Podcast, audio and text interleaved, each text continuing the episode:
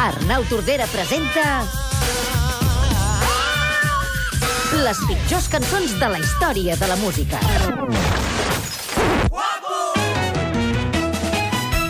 Guapo, m'ho diuen quan passejo. Guapo, m'ho diuen quan festejo. És compositor, és guitarrista, és cantant, és arranjador, és filòsof. El gendre que les sogres mai no voldrien. Arnau Tordera, bon dia.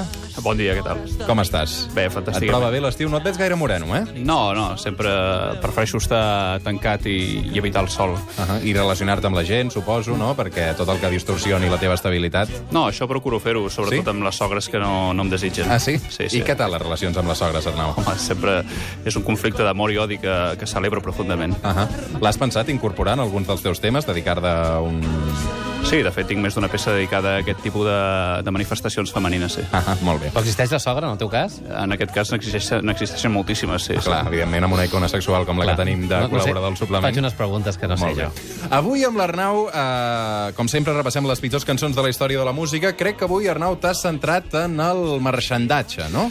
Bé, exactament. Per tots és conegut aquest fenomen d'una cançó que es connecta directament a una marca, a un producte, etc etc i amb el qual, doncs, eh, sistemàticament se'ns bombardeja a través de, dels mitjans. Eh, doncs bé, això és un, un mecanisme publicitari que ha funcionat prou bé fins a dia d'avui pel que fa a les marques, no tant pel que fa a la producció artística, i avui us emporto unes quantes representacions prou, eh, prou considerables en aquest sentit, no?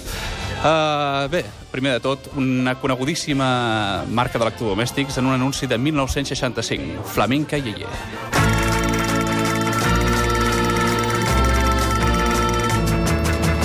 Yo soy una flamenca yeye y en mi casa no falta de nada. Pues a Filimante de poner. No em facis dir que aquesta que canta és Carmen Sevilla. Exactament, ni més ni menys que Carmen Sevilla. Ella... Uh -huh. Sorprenentment, uh, a un publicista poc visionari se li va acudir que seria una bona decisió que Carmen Sevilla doncs, eh, anunciés un dels seus productes, eh, sobretot perquè és que jo entenc que des del punt de vista publicitari el que pretens és comunicar alguna cosa, eh, oferir un producte i fer-lo, eh, fer el, el consumidor coneixedor de l'existència d'aquell producte. Però escolta'm, a la seva època, Carmen Sevilla va ser una icona sexual com tu ho ets ara. Bé, tampoc... tam- Ja no li agrada tampoc, gaire, eh? Tampoc faltéssim el respecte, en aquest sentit. No, és possible, és possible, però en tot cas estarem d'acord que la seva capacitat eh, fonètica no és un exemple a seguir pel que fa a la comprensió de les paraules. A veure? Fili, yo me fui de moment y compré un transistor para bailar. Transistor, yo no vi más fetén. Sí que hi ha algunes Costa paraules que entendre-ho. són imperceptibles, eh, certament. No, en efecte, jo he escoltat un total de 20, 20 vegades i a hores d'ara encara no sé exactament quin, pro- quin producte s'hi anuncia.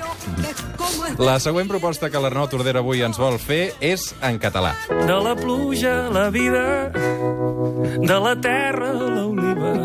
Bé, doncs, eh, aquesta cançó que tots haurem escoltat recentment anuncia un producte oliós extraordinari, tot, eh, tot s'ha de dir. És a dir, Sí, el producte, és a dir, la qualitat del producte no la posem en dubte, això que quedi claríssim. En efecte, no? és, és, és deliciós.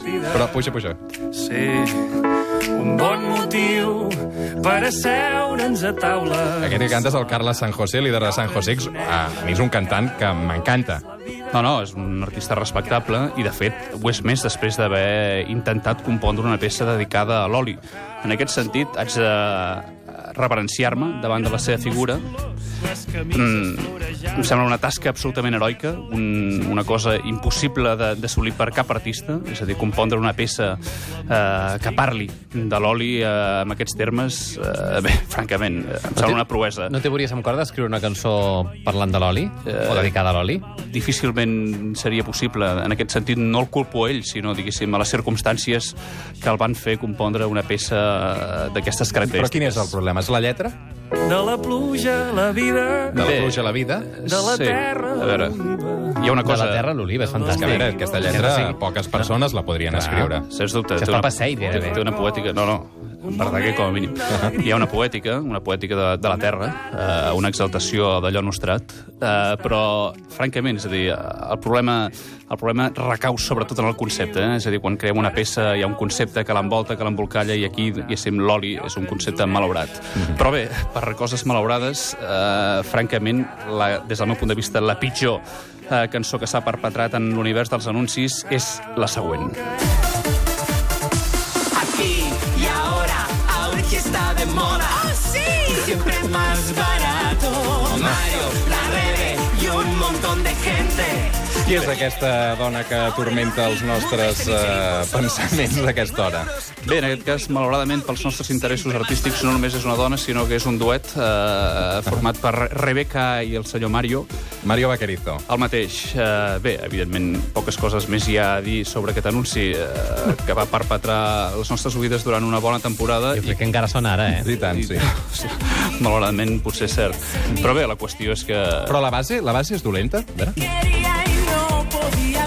Aquest ja no és l'anunci, aquest és un tema de la Rebeca. Però és a dir, hi ha cos aquí o...? Exacte, bé, és un tema que sona exactament com l'anunci, és a dir, Sí, en aquest cas també hi hauria una observació sobre la diversitat estètica de la seva proposta artística. Ahà. No, és a dir, com sempre en aquestes propostes darrere hi ha, hi ha músics de talent, és a dir, músics que ofereixen o sacrifiquen el seu talent eh, per, per tal d'oferir doncs, els, la seva música a artistes més discutibles en termes artístics, no? Uh, però bé, duro de pelar, no sé, tampoc... Uh, és a dir, Sí. diguéssim, la lírica tampoc és un, La lírica no és un el treball de Amb això- profunditat en aquest Amb sentit. això amb aquí sí que et donem, et donem suport. Tens algun altre anunci d'aquests que hagi pertorbat la, el teu estat mental? Ah, per descomptat. Un, un que no només ha pertorbat el meu, sinó la de milers de pobres nens i nenes. Yo soy aquel negrito del África tropical que cultivando cantaba la canción del colacao. Y como verán ustedes, A veure, les a veure, a veure, a veure. relatar. M'estàs dient que aquesta és una de les pitjors cançons de la història de la música. Tu saps la quantitat de diners que va guanyar el senyor Colacao amb aquest anunci? M'ho puc imaginar, sí, sí, sí. Però, bé, escoltem-la, si us plau, senyor Escapa. Colacao, colacao. Passem tots, eh, la lletra. Lo toma el futbolista para entrar Aquesta part de la lletra és especialment También significativa. lo toman los buenos nadadores. Si lo toma el ciclista, se hace el amo de la pista. I atenció. Si es el boxeador, golpea, que es un primor. O sigui, aquests dos cops, com a element simbòlic, eh, realment m'han corprès d'una manera absolutament profunda, no? Home, i la frase golpea, que és un primor. Sí, sí. No, no, cada element de la lletra és per eh, aprofundir-hi eh, notablement. A veure, per on vols començar? Bé, sobretot, eh, buscant una mica l'origen de, de la peça, he descobert que aquesta obra musical està composta per un individu que ni tan sols era músic professional. De fet, la seva, el seu àmbit eh, laboral s'encabia en l'univers del tèxtil. Era un tal Aureli Jordi Dotres. Eh, I bé, la llegenda diu que mai va fer cap cançó que passés a la història, excepte aquesta, no? que possiblement és la cançó més coneguda en l'univers publicitari, com a mínim, hispànic. Aleshores, eh, bé, en fi, no t'acaba de, de... No la incorporaries, com si diguem, dins del teu repertori. No veus una versió, eh, del Colacao? No, malauradament pels nostres interessos eh, és una cosa que veig absolutament improbable, no? En aquest sentit, no ho descarto, perquè mai se sap a la vida, però ho, ho, ho veuria difícil, no? Avui amb l'Arnau Tordera hem repassat les pitjors cançons de la història de la música basades en anuncis publicitaris. Arnau, ha estat un plaer. Moltes gràcies, el plaer sempre és meu. Bon dia. Un desayuno y merienda ideal. Colacao, colacao.